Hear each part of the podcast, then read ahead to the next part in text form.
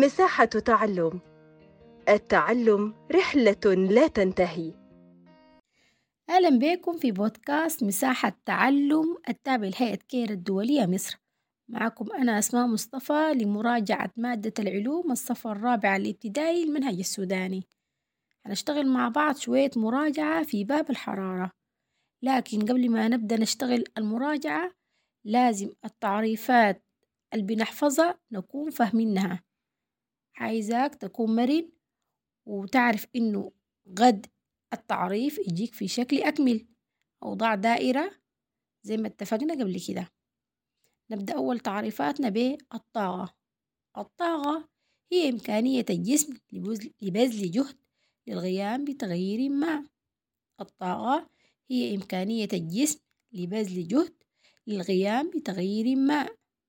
الطاقة الحرارية هي شكل من أشكال الطاقة التي يمكنها تغيير حالة المادة.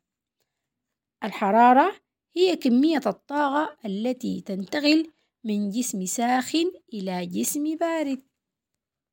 طيب درجة الحرارة درجة الحرارة هي رقم يعبر عن مدى برودة أو سخونة الجسم وتصف كمية الطاقة الحرارية للجسم.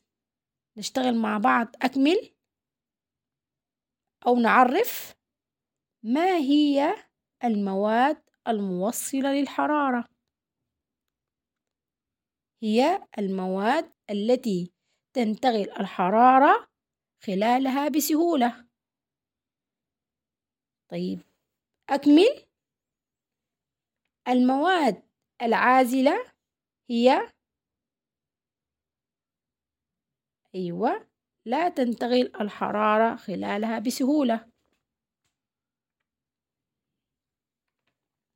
العزل الحراري هو المادة أو التقنية المستخدمة للحد من انتقال الحرارة.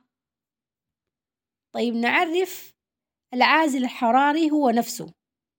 العازل الحراري هو مادة لا تنتقل الحرارة خلالها بشكل جيد. أكمل. نقول داش أو نقول نقط. نقط هي طاقة حركة الجسيمات في المادة. مظبوط. الطاقة الحرارية. نقط كمية الطاقة التي تنتقل من جسم ساخن إلى جسم بارد. أيوة. الحرارة. نقط أداة تقاس أو تقيس درجة الحرارة. أيوة الترمومتر الطاقة التي تنبعث من الشمس تسمى فعلا الطاقة الشمسية. نقط مادة عازلة تحافظ على دفء أجسام الثدييات. أيوة هي الدهون عملية انخفاض درجة الحرارة تحدث ب التبريد. برافو عليكم. عملية ارتفاع درجة الحرارة